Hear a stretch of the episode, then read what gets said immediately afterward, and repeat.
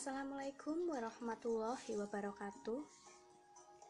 Sugeng rawuh wonten ing podcast. Yuk sinau basa Jawa, basaning tata krama, ngudi kautaman ngluluri jatining diri. Sareng kula, Avita Indah Febriana, mahasiswa jurusan Bahasa dan Sastra Jawa Prodi Pendidikan Bahasa dan Sastra Jawa angkatan kalahewu wolulas. Pepanggihan enggal menika Bu Avita badhe njlentrehake utawi ngandharaken materi geguritan. Materi geguritan menika kagem kelas kalih welas SMA, SMK, MA, lan sederajat. Saderengipun Bu Avita candak wonten ing materi, Bu Avita badhe maosaken kompetensi inti saking pasinaon dinten menika. Nyuwun pangapunten menawi Bu Avita maosaken menika kem bahasa Indonesia. Nggih.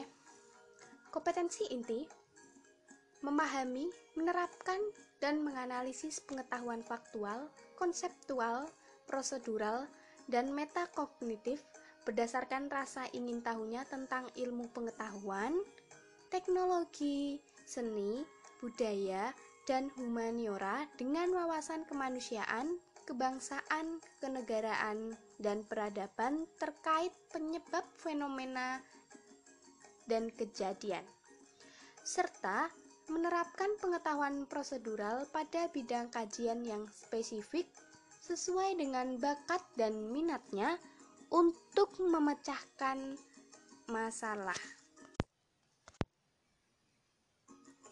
Salajengipun wonten mengolah, menalar, dan menyaji dalam ranah konkret dan ranah abstrak terkait dengan pengembangan dari yang dipelajari di sekolah secara mandiri, bertindak secara efektif dan kreatif, serta mampu menggunakan metode sesuai kaidah keilmuan.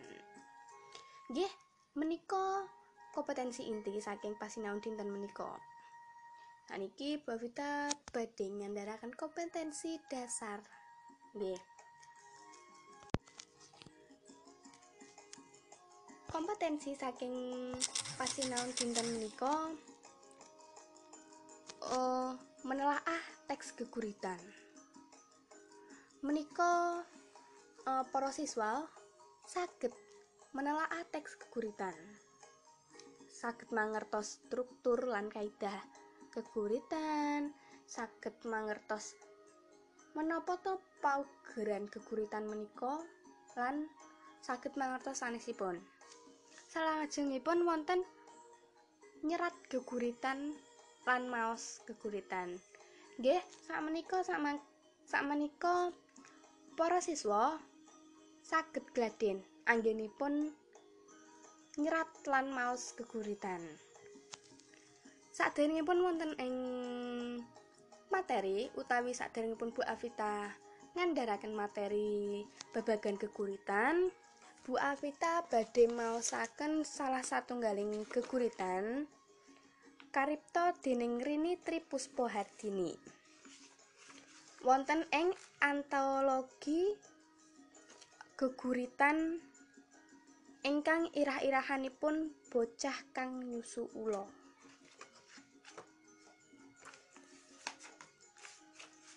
Kedah Bu Avita pilih-pilih rumiyin apa nggih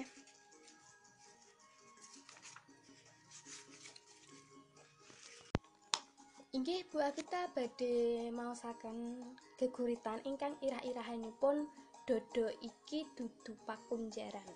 Nggih. Sugeng midhangetaken nggih. Dodo iki dudu pakunjaran. Wis ilang samu barang sing tau mapan loro gelo uga sapletek tresno kabeh wis dak luari dak uculi supaya golek panguripane dhewe-dhewe. Dodo iki dudu pakunjaran. Mula dak merdikake samu barang sing karasa nyancang dak balekake marang niat kawite Dodo iki palerman papan masanggrah ati kang butuh katentreman. Saiki wis ilang samubarang sing nate mapan. Julik lan culika wis dak luari dak iseni kidung pepudian tuntunan laku kang kakirim saka kayangan. Desember kalahewu telulas karipto dening Trini Tri Puspohardini matur nuwun. Nggih uh, saklajengipun Bu Avita badhe ngandharaken materi babagan geguritan. Menapa tubuh geguritan menika? Nggih geguritan menika uh, salah satu galing puisi utawi geguritan Jawa Gagerak Anyar kang ora kaiket dening paugeran tinamtu menika ingkang gagrak anyar. Nggih. Uh, kok saged dipun wastani geguritan nggih Bu? Nggih. Menika saged dipun wastani geguritan amargi guguritan saka tembung linggo gurita yaiku owah-owahan saka tembung gerita dene tembung gerita iku saka tembung linggo kita kang duweni teges tembung utawa syair. Nggih. Ana uga kang duweni panemu yen geguritan iku saka tembung linggo gurit kang duwe teges tulisan. E, miturut kamus, geguritan menika tembang unen-unen utawa karangan kang pinatok kaya dene tembang nanging guru gotra, guru lagu, lan guru wilangan ora acek. Menawi menurut eh, eh menawi miturut saking Raminah Baribin kalih hewu gangsal, geguritan iku iketaning basa kaya dene syair. Mula saperangan pawongan ana kang ngarani utawa nyebut syair Jawa gagrak anyar. Nggih. Menika mm, kados pundi Bu kangge cacah helarik wanda lan padha kagem geguritan menika? Nggih, cacahe larik, cacahe wanda, cacahe padha tembung-tembung kang dipilih lan surasane kabeh merdika utawa bebas. Ananging apike ukara kudu cocok karo isine. Pilihane tembung kudu mantesi lan mantes. Ugi kudu ginakaken wirama lan basa. Wonten Purwakanti nggih. Dewi Purwa seselan lan sapanunggaling. Geguritan. Gurit gurita. Uh, geguritan miturut Subali Dinata sewu sangatus swidak wolu duwe panemu kaya mangkene tembung geguritan saka linggo gurit ateges tulis gambar. Zaman kuno, ingin nulis ana ing kayu blebekan sarana ditatahi. Tulisan kang tinemu ing kayu diarani gurita. Zaman saiki kang diarani guritan yaiku rumpaan kang pinatok ing paugeran sawetara. Menawi saking uh, Padma Sukaca menika nggadah panemu geguritan utawi guritan menika saking tembung dasar gurit. Ingkang ateges kidung utawi tembang. Wonten malih gurit ingkang uh, tulisan utawi seratan uh, napa ateges menika menapa to Bu? Nggih ateges menika geguritan ingkang saking uh, tembung dasar gurit menika nggih uh, ateges nggih namung tulisan lan gambar saklajengipun Menapa to ciri-ciri geguritan utawi karakteristik geguritan? Nggih. Uh, menawi uh, ciri geguritan menika wonten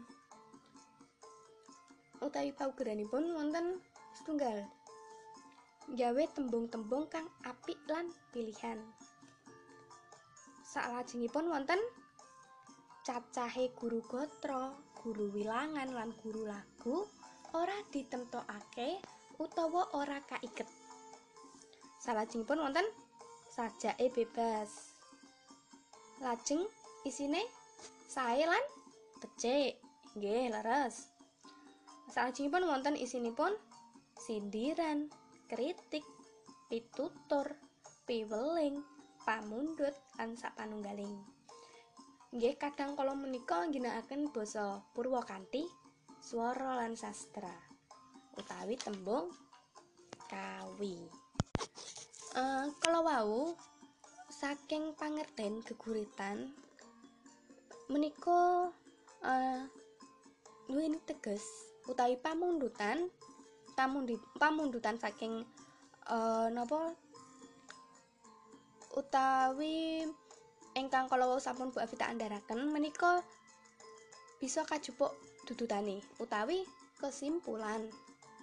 Geguritan menika wohing kasus sastraan Jawa anyar awujud syair kang tanpa nganggo paugeran patokan tertentu guru lagu, guru gotro, guru wilangan menika boten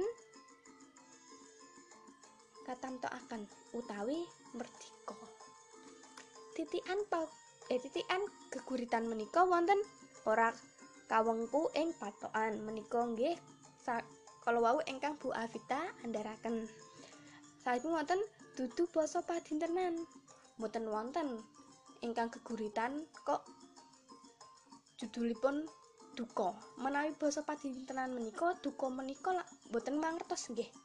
Menika uh, benten duka menika nesu amarah nggih salajengipun wonten gunakaken tembung-tembung kang pinilai ingkang kalau Babita sampun ngandharaken nggih uh, tembung-tembung kang endah lan kepenak anggenipun dipun waos salajengipun wonten cacahe lare ora katemtokake nggih kalau wau ingkang Babita sampun ngandharaken wonten ing uh, awal cacahe lare, cacahe wondo, cacahe podo. Tebong-tebong kang dipilih lan surasane kabeh merdika utawa bebas. Nggih. Yeah.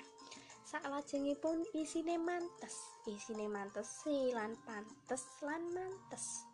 Menika eh saged anggenipun ngudharasa. Gugur guguritan menika saged nggih. Eh napa nyerat-nyerat ingkang menapa ingkang dipun rasakaken? Utawi nguduh rasa. Utawi curhat nggih. Arang-arang utawi kadang kala ngginakaken tembung-tembung pangiket nggih. Wonten ingkang saperangan geguritan menika ngginakaken tembung menika Uh, Bu Awita badhe ngandharaken menawi geguritan klasik utawi tradisional menika nggadahi ciri-ciri kados setunggal baris utawi larik menika jumlahe namung sekawan utawi luweh nggih. Menawi jumlah uh, tembung saben larik menika ginakaken rima utawi purwakanthi ing sak pungkasaning larik salajengipun wonten pencipta utawa pangripta luweh saking setunggal menika utawi luweh saking setunggal padha uh, ing wiwit geguritanipun dipun serat sun gegurit. Menika menawi geguritan uh, klasik utawi tradisional. Saklajengipun wonten geguritan modern utawi gagrak anyar gagrak anyar menika mardika ing uh, ginakaken napa paugeran gotra, sajak, wondo utawi padha. Um, napa Bu bentenipun gurit klasik utawi tradisional menika kalian gurit modern utawi gagrak anyar. Inggih wonten unsur pembanding menika wonten uh, pitu ingkang setunggal menika saking bentuk padha saking foto gurit klasik menika uh, napa? Bates. Padha setunggalan uh, saklajengipun menika jelas nggih. Menawi gurit modern utawi gagrag anyar menika uh, batas ba batas uh, podo setunggalan saklajengipun menika kadang kala mboten jelas. Mboten dipun uh, napa naminipun mboten dipun tampake napa nggih? Uh, menika mboten uh, jelas merdika menawi gotronipun uh, saking gurit klasik menika jumlah gotra saben padha uh, awal lan uh, salajengipun menika sami menawi tengku gurit modern utawi gagrak anyar menika jumlah gotra padha setunggalan. Salajengipun menika uh, boten kedah sami. Salajengipun rima sajak utawi purwakanti menawi gurit klasik utawi gurit tradisional uh, unine saja utawi rima wonten ing pungkasaning saben setunggal podo menika sami menawi gurit modern utawi gegerak anyar nggih boten kedah boten kedah uh, sami. Salajengipun wonten jumlah uh, tembung saben larik. Menawi gurit klasik utawi tradisional menika uh, saben larik jumlahnya ini menika kedah sami menawi gurit modern lan utawi gurit uh, gagerak anyar menika saben larik jumlahipun boten kedah sami nggih. Saklajengipun irah-irahan utawi judul uh, saking keguritan menika menawi gurit klasik utawi gurit tradisional arang utawi uh, Engkang pangrekta menika boten dipun serat wonten ing geguritan menika. Menawi gurit modern menika uh, irah-irahanipun dipun serat. Menawi gurit klasik boten dipun serat. Panulis utawi pangrekta menawi teng wonten ing gurit klasik utawi tradisional boten dipun uh, serataken pangriptanipun sinten? Menawi dipun serat menika ngagem sandi asma wonten ing karya. Nggih geguritan menawi wonten ing uh, wiwit wiwit uh, saben tembung menika uh, dipun uh, napa nggih? Wonten sandi asma. Saklajengipun wonten gurit modern utawi gagrag anyar menika pangripta gampil. Anggenipun pangertos. Amargi dipun serat wonten ing salut wonten ing karyanipun. Salajengipun bahasa khas utawi wonten malih pengantar uh, kagem wiwiti larik napa larik setunggal ing geguritan. Menawi gurit tradisional utawi gurit klasik menika wonten son gegurit dak condro. Menawi wonten ing gurit modern utawi gagrak anyar menika mboten wonten. Dados uh, menika mardika utawi bebas. Nggih uh, salajengipun wonten hmm, apa nggih?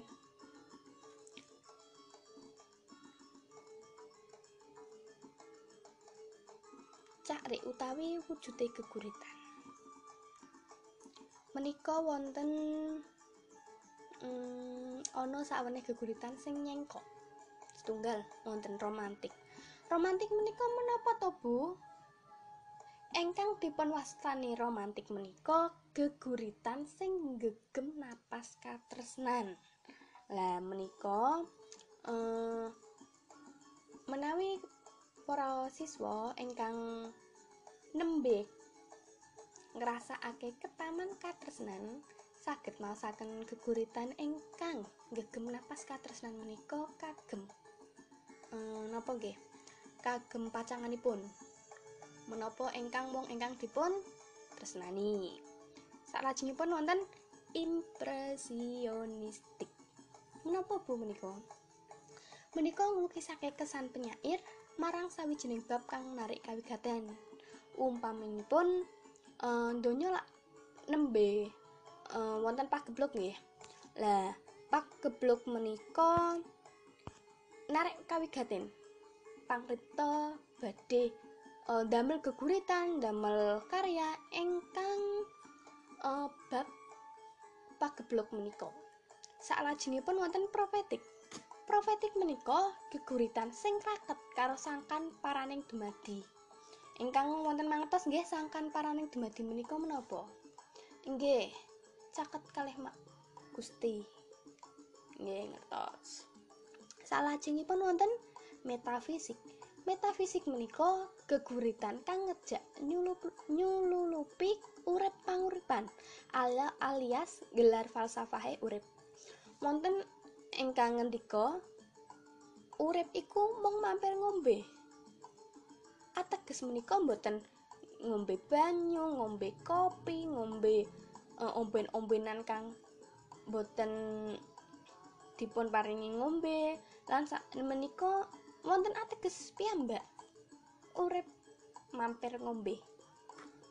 Enggih menika uh, napa? Golek oh kawruh-kawruh ingkang uh, mangke saged napa namanya mupangati. Wonten ing kauripan piyambak-piyambak. Salajengipun wonten panggung. Panggung menika guguritan kang diento kanggo geguritan sing ngemut amrih gayeng. Umpamipun wonten ingkang irah-irahipun gotong royong. Ingkang uh, gegem napas sosial. Salajengipun ingkang pungkasan menika wonten balada. Balada menika geguritan sing ngemot kisah tokoh-tokoh tulan isih akeh maneh menika. Saged Insinyur Soekarno, Kartini, Ibu, Biung, saged Bapak, Bopo. Lan sanesipun ingkang tokoh-tokoh tertentu utawi tokoh-tokoh ingkang menginspirasi kita sedaya. Nggih, kabeh kalau wau saben kelompok utawi cengkok kuwi manut isi lan nitik underane perkara kang warna-warna. Gayane maneka rupa lan mesti wae isine uga ngono. Teks lan jenis sing gurit kuwi uga bakal nggawe beda cara maca lan penghayatane.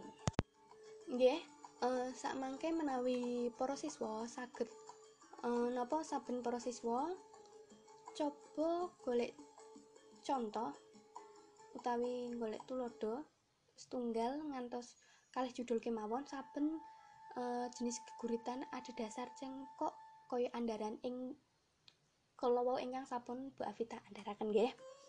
Menawi sampun menika tugas ingkang sampun dipun garap saged dipun kempalaken wonten uh, dikempalaken lumantar email Bu Apita kemawon nggih. Salajengipun Bu Apita badhe ngandharaken babagan unsur pembangun geguritan. Geguritan bisa kanggo medharake utawa ngandharake isine ati lan aweh piwulang paweling sarta pitutur marang wong sing maca geguritan. Kawujud saka tema kang diandharake dadi wujud geguritan. Nggih kalau wae ingkang Pak sampun andharaken geguritan menika eh, saged ngagem saged curhat lan sanesipun sajroning geguritan menika ngemut nilai-nilai utawi amanat kang katujokake marang pemaus utawi ingkang sing maca. Tembung kang dienggo ing geguritan menika eh, ngginakake tembung kang pinilih. Kanthi sarana dasanama Purwakanthi, tembung garba, tembung sarojo lan uga lelawaning basa. Tembung-tembung geguritan menika endah lan enak kawaca.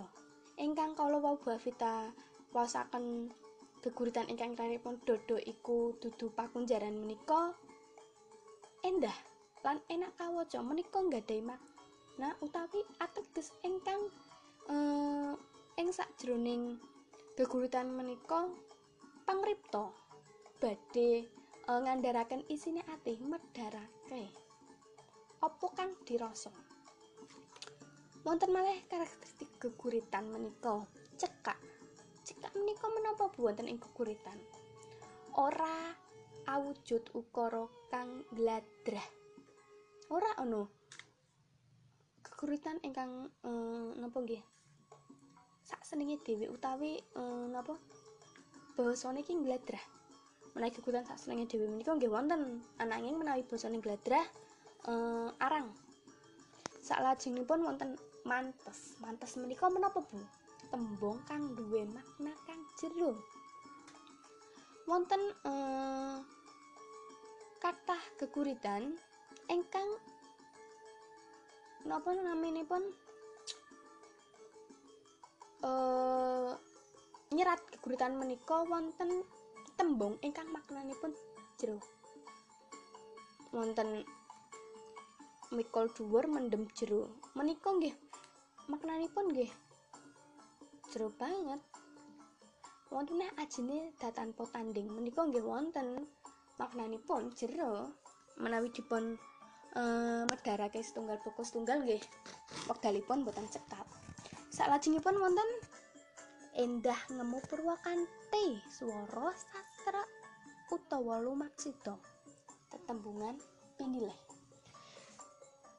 wonten ingkang mm, napa?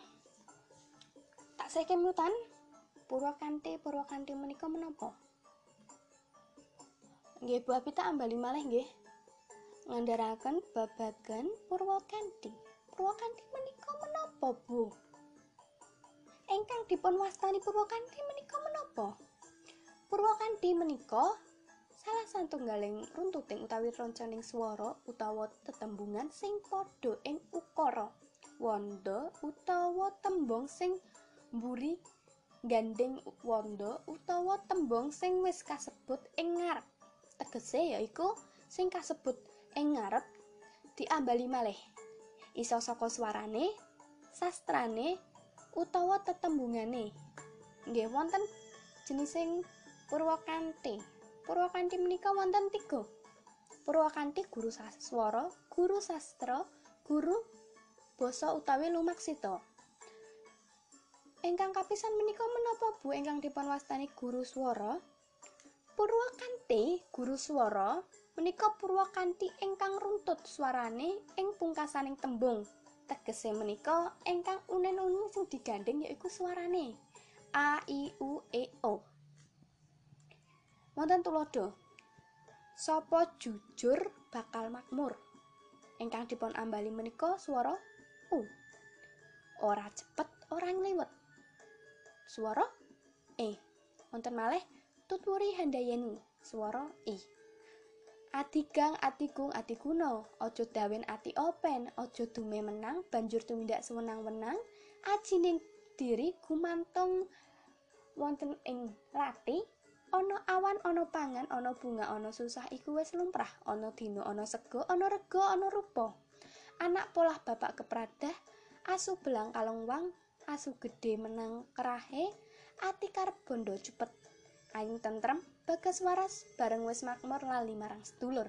Menika uh, tulodo saking purwakanti swara menawi uh, salajengipun Bu purwakanti guru sastra. Ingkang dipun wastani uh, Purwakanti guru sastra menika Purwakanti sing padha tulisane utawa aksarane ing saben wiwitan wanda utawa tetembungane. Menika menapa Bu tegese? Tegese menika yaiku reroncening utawi runtute ing sastra utawa tulisane. Nggih, tuladanipun. Anak Anung Anindita. Sastranipun N. sing sapa goroh growah? Wonten? G. Sluman slumun selamat menika S. Wonten malih? Aja demen memoto sameng dumadi.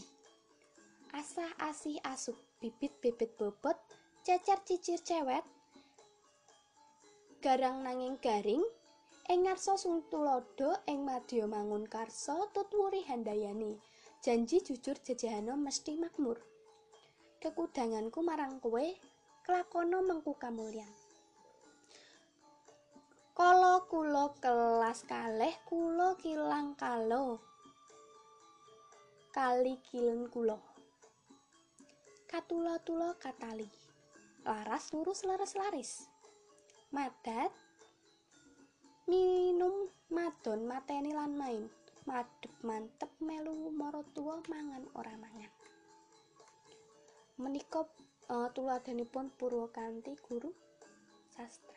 menawi Purwakanti guru basa utawi lumaksita Bu Engkang dipun wastani Purwakanti guru basa utawi lumaksita yaiku Purwakanti saka rong gotra sing padha tetembungane yaiku tembung pungkasan ukara sing ngarep dadi tembung wiwitan ukara pungkasan utawi mburine Purwakanti guru basa menika akeh tinemu ana ing wangsalan utawi tembang ehm, menawi uh, tulodo Purwakanti guru basa utawa rumaksita ing wangsalan menika wonten asung bekti bektino kawula marang Gusti.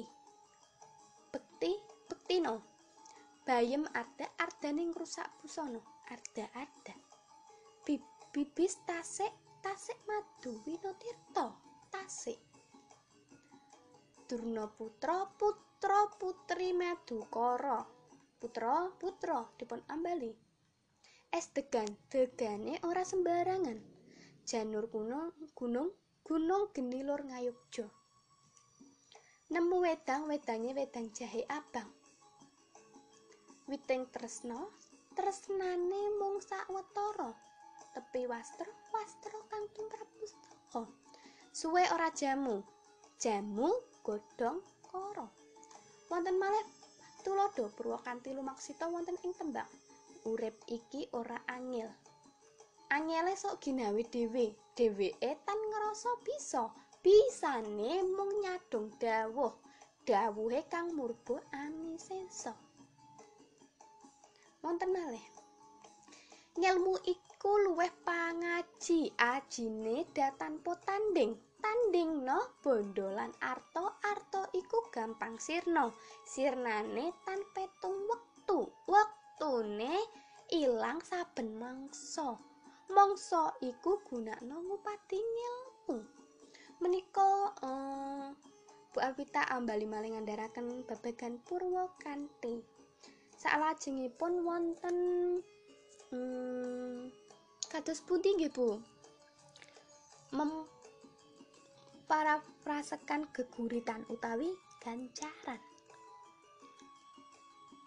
Gancaran kuwi ing basa Indonesia menika dipun uh, arani prosa gancarake ateges ngowahi ingkang uh, tembung utawi geguritan dadi gancaran utawi prosa dadi gancarake padha karo uh, memprosakan utawa tembunge liya uh, sadurunge gawe gancaran kudu mangerti cara-carane uh, cara-carane gancarake. Kados pun tipu menika? Nggih. Menika wonten gangsal Tunggal ukara ukarane tembang utawi tembung ing geguritan kang mawa tembung bali swara kudu diudari dapukane ukara kawolak-walik menika dipun udari malih. Salajengipun wonten menawa ana tembung kaya tembung Jawa kuno kudu diowahi dadi tembung Jawa anyar kang lumrah dienggo utawi dingurungake saben dinane. Salajengipun wonten menawa ana tembung garba utawa tembung sandi ing sajroning uh, geguritan menika kedah dipun uh, napa nggih kedah dipun udari utawi dipun owahi malih Salajengipun wonten uh, kanggo nglarasake ukara supaya ora kaku bisa mbuang utawa ngilangi tembung sawetara. Mangkono uga tumrap ater-ater lan panambang. Kathah ingkang uh, diguritan ingkang menika dak luari dak uculi dak dak dak merdikaake menika wonten. Salajengipun wonten pot sada utawi bait kang sakawit wujud. Padha-padha kawe kaewahana dadi paragraf kanthi ejaan kang bener nggantekake titik nggantekake titik koma tanda pitakon tanda perintah lan sapanunggale. Kados pundi Bu? Caranipun uh, nyerat geguritan menika. Wonten mm, saperangan nyerat geguritan menika. Caranipun nggih setunggal nemtokake tema. Menapa ingkang dipun damel katresnan sangkan paraning dumadi sosial. Wonten ingkang sanesipun lan sapanunggaling. Salajengipun wonten milih tetembungan kang mentes pantes mantesi. Wonten uga endah lan cekak. Wonten juga wonten malih uh, uga manehi irah-irahan kang jumbuh karo isine keguritan pun ingkang kalau Bu Evita uh, maosaken menika wonten irah-irahanipun irah-irahanipun nggih menika dodo iki dudu pakunjaran.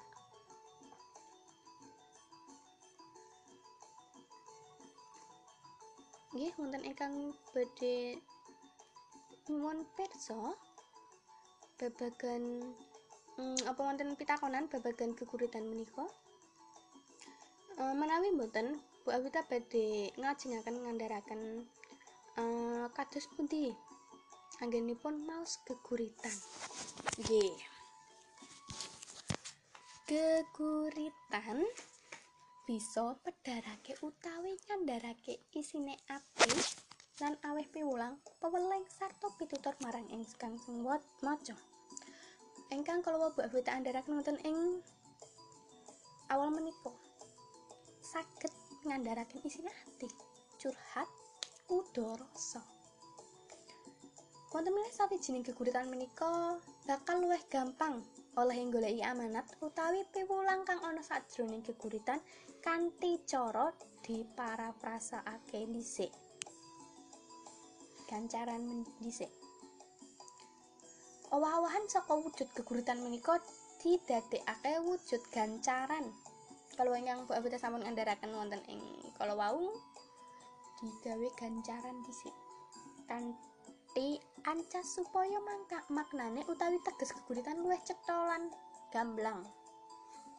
Salajengipun salajengipun wonten hmm, guguritan iku bisa dirasakake kanthi maca utawa ngrungokake. Satemah bisa tunggal nemokake pesen utawi amanat utawi piwulang kang kamot ing sakjroning geguritan salajengipun wonten nemtokake sabab kang ndadekake endahing geguritan wonten malih gawe gambaran tumrap gegurit kutumprap geguritan kang diwaca utawa dirungokake.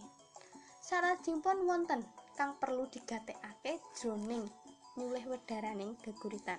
Wonten setunggal maca tulisan naskah kanthi stiti. Boten mm, kedah. Setunggal, maca kapisan tok. Menawi badhe mm, paham menapa badhe nulis geguritan menika kedah maca sakakeh-akehe.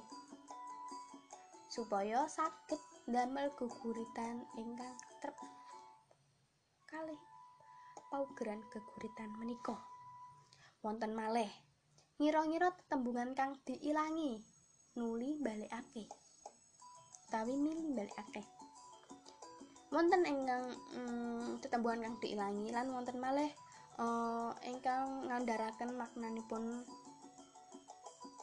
ingkang oh, napa nggih sebenere menika.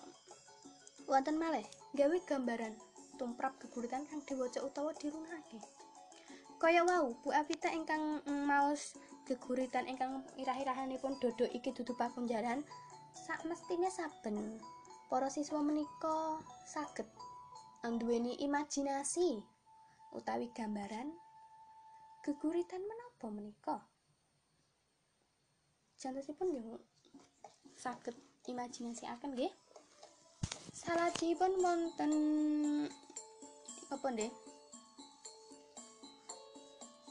hmm, jinglengi dan ono pasemon utawi perlambang sing dienggo pasemon utawi semonan. Monteng jarwani pasemon utawi perlambang. Hmm, menafsirkan makna ing pasemon menika. Wonten meneh ngupakara. Ngupakara ukara ukara saka paniliten dadi sawijining gancaran kathah menika. Salajengipun kanggo ngelingake mawon apa wae sing kudu digatekake nalika maca geguritan utawi maos geguritan? Wonten saperang-saperang ingkang dipun semak lan dipun ugemi yaiku setunggal. Wonten wirama. Wirama menika menapa Bu? Irama utawi lagu. Irama kudu digatekake nalika maos geguritan. Umpamane banter yo banter alon yo alon cetha yo cetha samar yo samar lan sapanunggale nalika mas geguritan sing surasane semangat kudu nyuara suara beda nalika maca geguritan sing uh, sing suasane utawi surasane nemu kasusahan ya kudu alon alus lan melas. Salajengipun wonten wirasa wirasa menika menapa Bu? Rasaning suasana ati. Surasane utawi isine geguritan kudu dimangerti tegese utawa karepe. Nuli anggonipun maca utawi maos ngetrepake utawi nyelarasake karo isining geguritan. Yen susah yo susah seneng seneng wibawa yo wibawa geton yo geton nesu yo nesuran sapanunggali wirago utawa obahing awak. Mas geguritan menika mboten namung meneng boten wonten ekspresi. Menika wonten obah ing awak uga. Obah ing awak menika menapa Bu? Aja kaku. Luwes wae. Mlaku uga prayoga ngobahake peraning awak kanggo mbangun suasana pasemon. Para prainan kudu selaras karo isining gegur nanging aja banget banget nggih. Salajengipun wonten wicara-wicara menika menapa Bu? Pocapan pocapan ingkang kados pundi Bu? Pocapan sing cetha nalika ngucapake aksara swara wanda lan tembung. Nggih. Uh, salajengipun Bu Afita badhe uh, napa? Masa kenal nggih keguritan. Uh, menika saking tak saking uh, karipto dening burini. Uh, Bu Apita badhe maosaken ingkang um, irah-irahanipun aku guru opo aku guru opo kok ngangkleng nganteni tanggal siji lan mudune sertifikasi Aku guru opo kok wektuku entek kanggo ngrumpi selfie lan hahahihi. Ki aku iki guru opo? Sing kentekan wektu kanggo sinau, sing kentekan duit kanggo tuku buku nanging kangelan nyelahake belanjan saka swalayan. Ki aku iki guru opo? Sing ora ucul saka gadget sing mulangku dak sambi Facebook kan ngunggah foto ing Instagram utawa ngunggah video asil plesiran. Ah, boh, ora arep dak pikir. Sing penting utangku cepet metu mergo wingi wis ajar nyetir. Ora arep dak gagas. Sing penting omahku mundak dhuwur ora ngeteprek sawit kencur. Awit cacahe jogan dadi ukuran mungga mungguhing pakurmatan. Maret 2016 dening Rini Tripuspo Hardini. Nggih wonten ingkang badhe nyuwun pirsa utawi wonten pitakonan kagem Bu Avita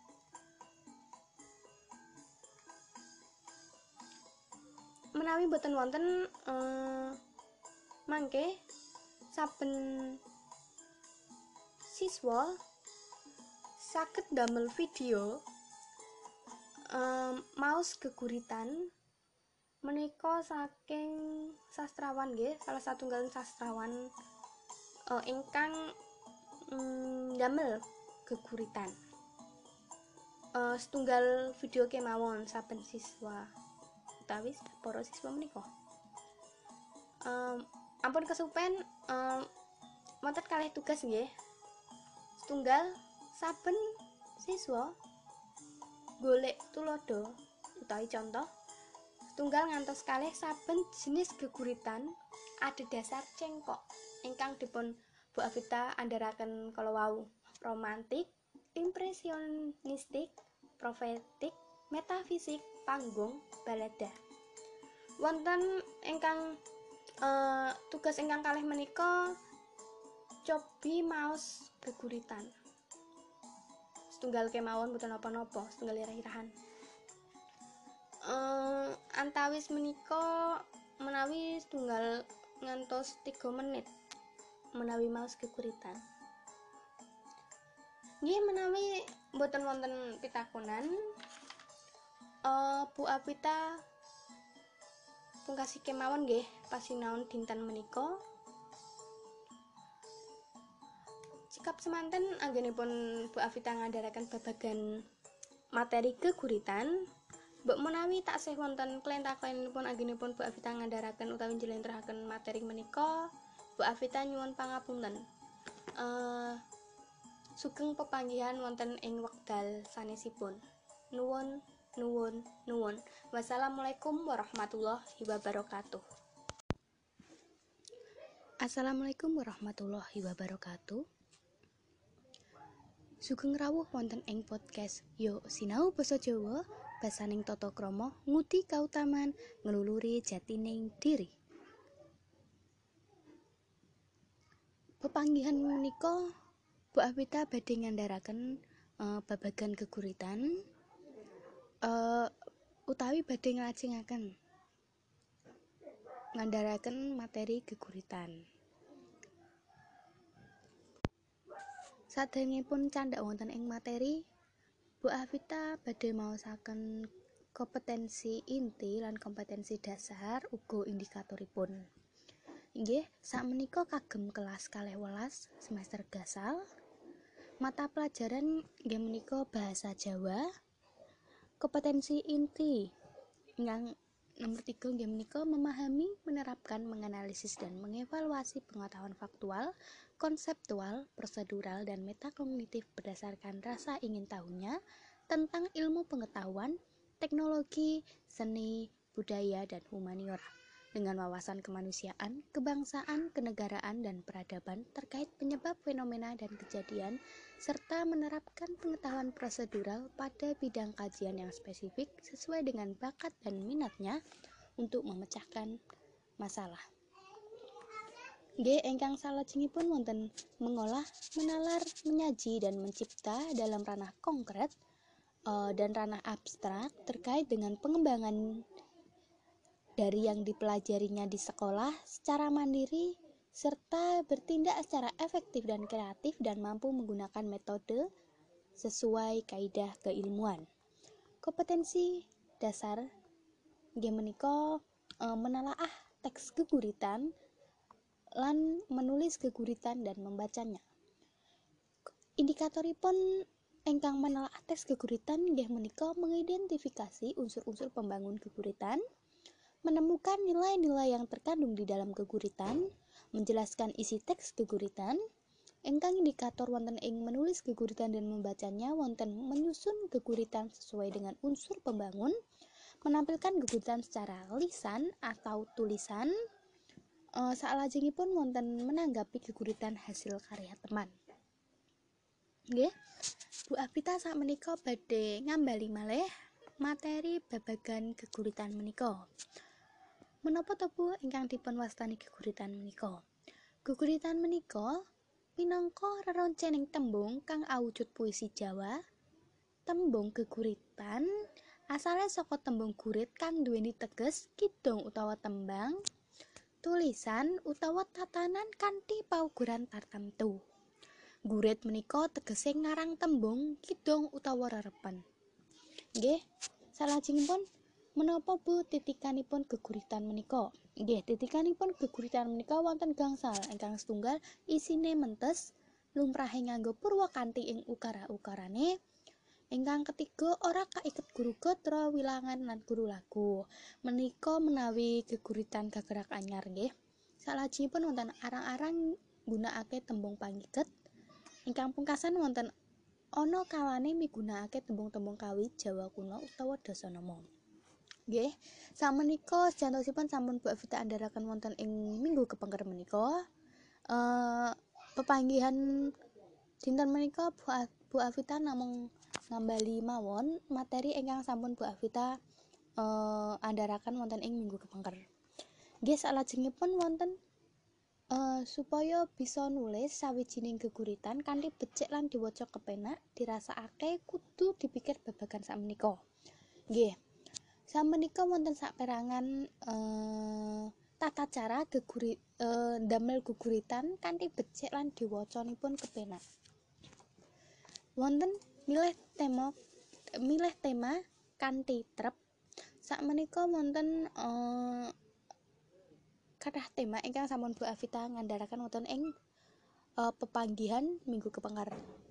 Salajengipun wonten nggatekake diksi. Menapa Bu nggatekake diksi menika? Nggatekake diksi menika pamilihing tembung.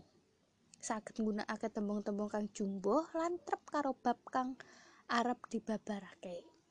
Uh, ora mungkin kan menawi temanipun kesehatan kok mlebune tekan sekolahan kan nggih uh, ora jumbo karo apa sing dipengeni apa ora jumbo karo temane salajipun wonten bisa nganggo purwa kanthi ing ukara ukarane supaya katon endah milih tembung kang endah minggu kepengker menika Bu Afita nggih sampun jlentrehake babagan uh, Purwakanti. Purwakanti menika wonten menapa kemawon? Purwakanti sastra? Purwakanti Purwakanti? Nggih. Sakmenika saged dipun uh, minggu kepangker menika saged dipun putar malih kagem uh, nyamutaken materi-materi ingkang sampun Bu Afita andharaken menika. Nggih ingkang uh, pungkasan menika wonten gatekake parama sastra basane. Umpamane nganggo ukara sambawa, ukara campuran lan liyan-liyane. Lho kabeh mau duwe pangajap supaya weling amanat saka pangripta bisa tekan pemakse. Saklajengipun wonten urutane nggawe geguritan. Kados pundi to Bu? Uh, damel geguritan menika. Geguritan menika saged kawiwitan saka temane bab apa? Seumpama arep nggawe bab katresnan ya yo tema kudu katresnan e, eh, salajengipun wonten nemtokake irah-irahan. Irah-irahan menika menapa to Bu? Irah-irahan menika judul. Menawi temanipun katresnan judulipun nggih saged eh babagan katresnan menika. Wonten malih 6 ngetokake utawi nemokake gagasan baku utawi sari-sarine kang arep dibeber ing geguritan menika. Arep disuntak ing geguritan. Wonten malih ngronce tembung supaya katon endah lan kepenak dirasakake. Uh, salajengipun wonten langkah-langkah membaca indah geguritan. Maca geguritan. Nggih. Yeah. Geguritan menika bisa kanggo medharake utawa ngandharake isine arti lan aweh piwulang, pepeling sarta pitutur marang wong sing maca. Sawijining geguritan menika bakal luwih gampang oleh goleki amanat utawi piwulang kang ana sakjroning geguritan kanthi. Cara dipun parafrasake luwih dhisik. Parafrase geguritan menika tegese proses owah-owahan. Saka wujud geguritan didadekake wujud gancaran utawa paragraf kanthi ancas supaya maknane utawi tegese geguritan luwih cetha lan gamblang utawi gampang dipun mangerteni. Geguritan iku bisa di rasakake kanthi maca utawi ngrungokake sak temah bisa setunggal wonten nemokake pesen utawi nemokake amanat utawi piwulang kang kamot wonten ing sakjroning geguritan menika.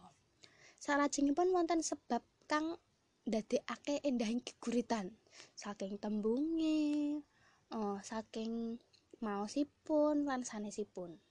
Wonten malih gawe gambaran tumrap geguritan kang diwaca utawa dirungokake. Seumpama seumpami wonten ingkang maos geguritan menika uh, kita saged uh, damel imajinasi utawi gambaran apa to ingkang dipun waos geguritan menika isinipun menika menapa? Lah menika saged dipun dadosaken imajinasipun piyambak-piyambak. Wonten malih uh, sing perlu diperhatike utawi sing perlu digatekake sakjroning nyuleh wedaring geguritan wonten sunggal maca tulisan utawi naskah kanthi setete. Ngira-ngira tetembungan kang diilangi nuli balekake. Wonten malih jinglengi. Menawi wonten pasemon utawi pralambang sing dienggo. Wonten malih jarwani. Jarwani menika menapa to, Bu? Jarwani menika menafsirkan makna pasemon utawa pralambange. Wonten malih ngupakara. Ngupakara menika menapa, Bu? Merangkaikan. Merangkaikan ukara-ukara saka paniliten dadi sawijining gancaran. Menika ingkang perlu dipun gatekake jroning nyuleh wedaring geguritan. Salajengipun kanggo ngelingake maneh apa wae sing kudu digatekake nalika maca geguritan wonten malih saperangan-saperangan sing kudu disemak lan diugemi. Wonten tunggal wirama. Wirama menika menapa, Bu? Irama utawi lagu. Irama kudu digatekake nalika maca geguritan. Seumpamane banter ya banter, alon ya alon, cetha ya cetha, samar ya samar, lan sak panunggale.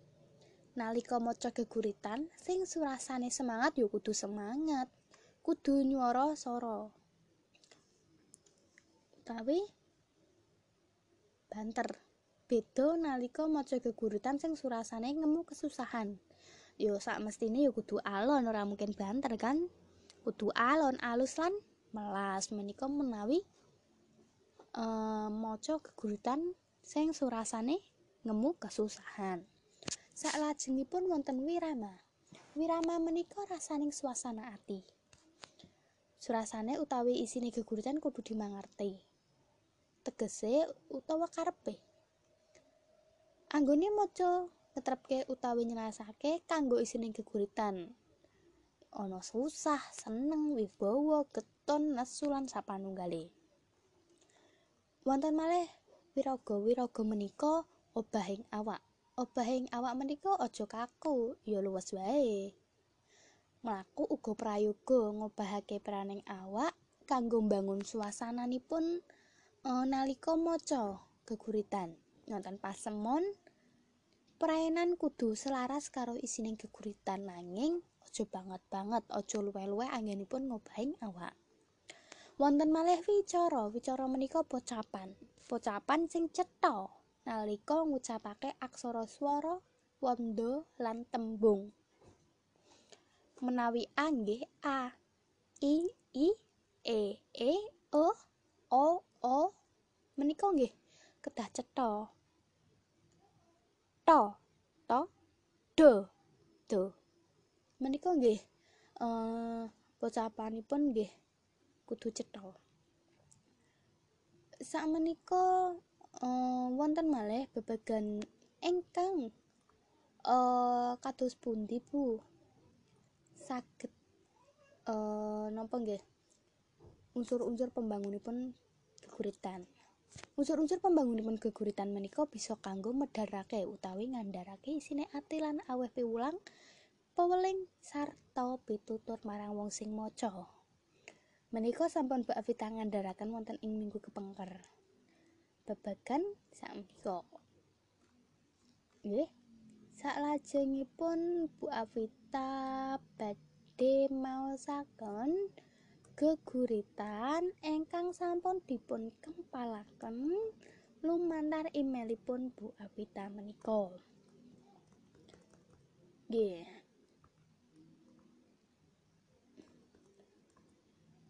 Irah-irahanipun nggih di ngapura bapa dening Gunadi Arya.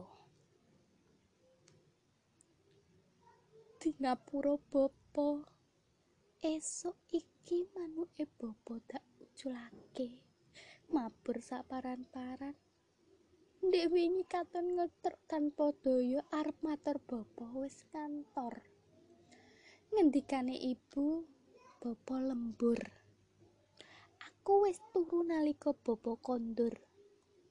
Bapa, wingi ana kutilang lan trocokan ngoceh ing cedhak kurungan. Dheweke cerita bab endahe Nuswantara. Kang bakal sidhem amen tanpa ocehing kukila. Kumel kucem merga Surya Cidra.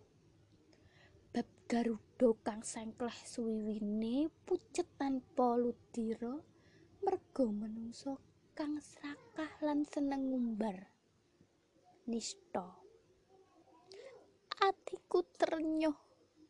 Atiku ternyuh weruh manuke bapa lemes nelongso lan tanpa daya jroning kunjara. di ngapura esuk iki manuke bapa tak uculake mabur saparan-paran ing pangita biar padang geget rahino. Manuke bapa bali ngoceh. Ngancani aku mapak srengenge nipatake tindak nista kang remah Nggih, samenika Babita sampun mm, masakan geguritan ingkang irah-irahipun dipun ngapura bapa. Nggih, sakmenika Bu Babita badhe maringi tugas saged dipun serat eh tembung ingkang dereng dipun mangertosi wonten ing Microsoft Word mangke dipun unggah wonten ing WA group.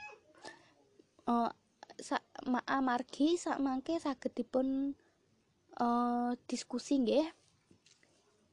Tembung-tembung ingkang dereng mangertos. Sakmenika Bu Afta bagi kelompok kemawon. Setunggal kelompok menika uh, wonten kalih utawi tiga tiang saged dipun bagi piyambak-piyambak kelompokipun sinten kemawon kemawon.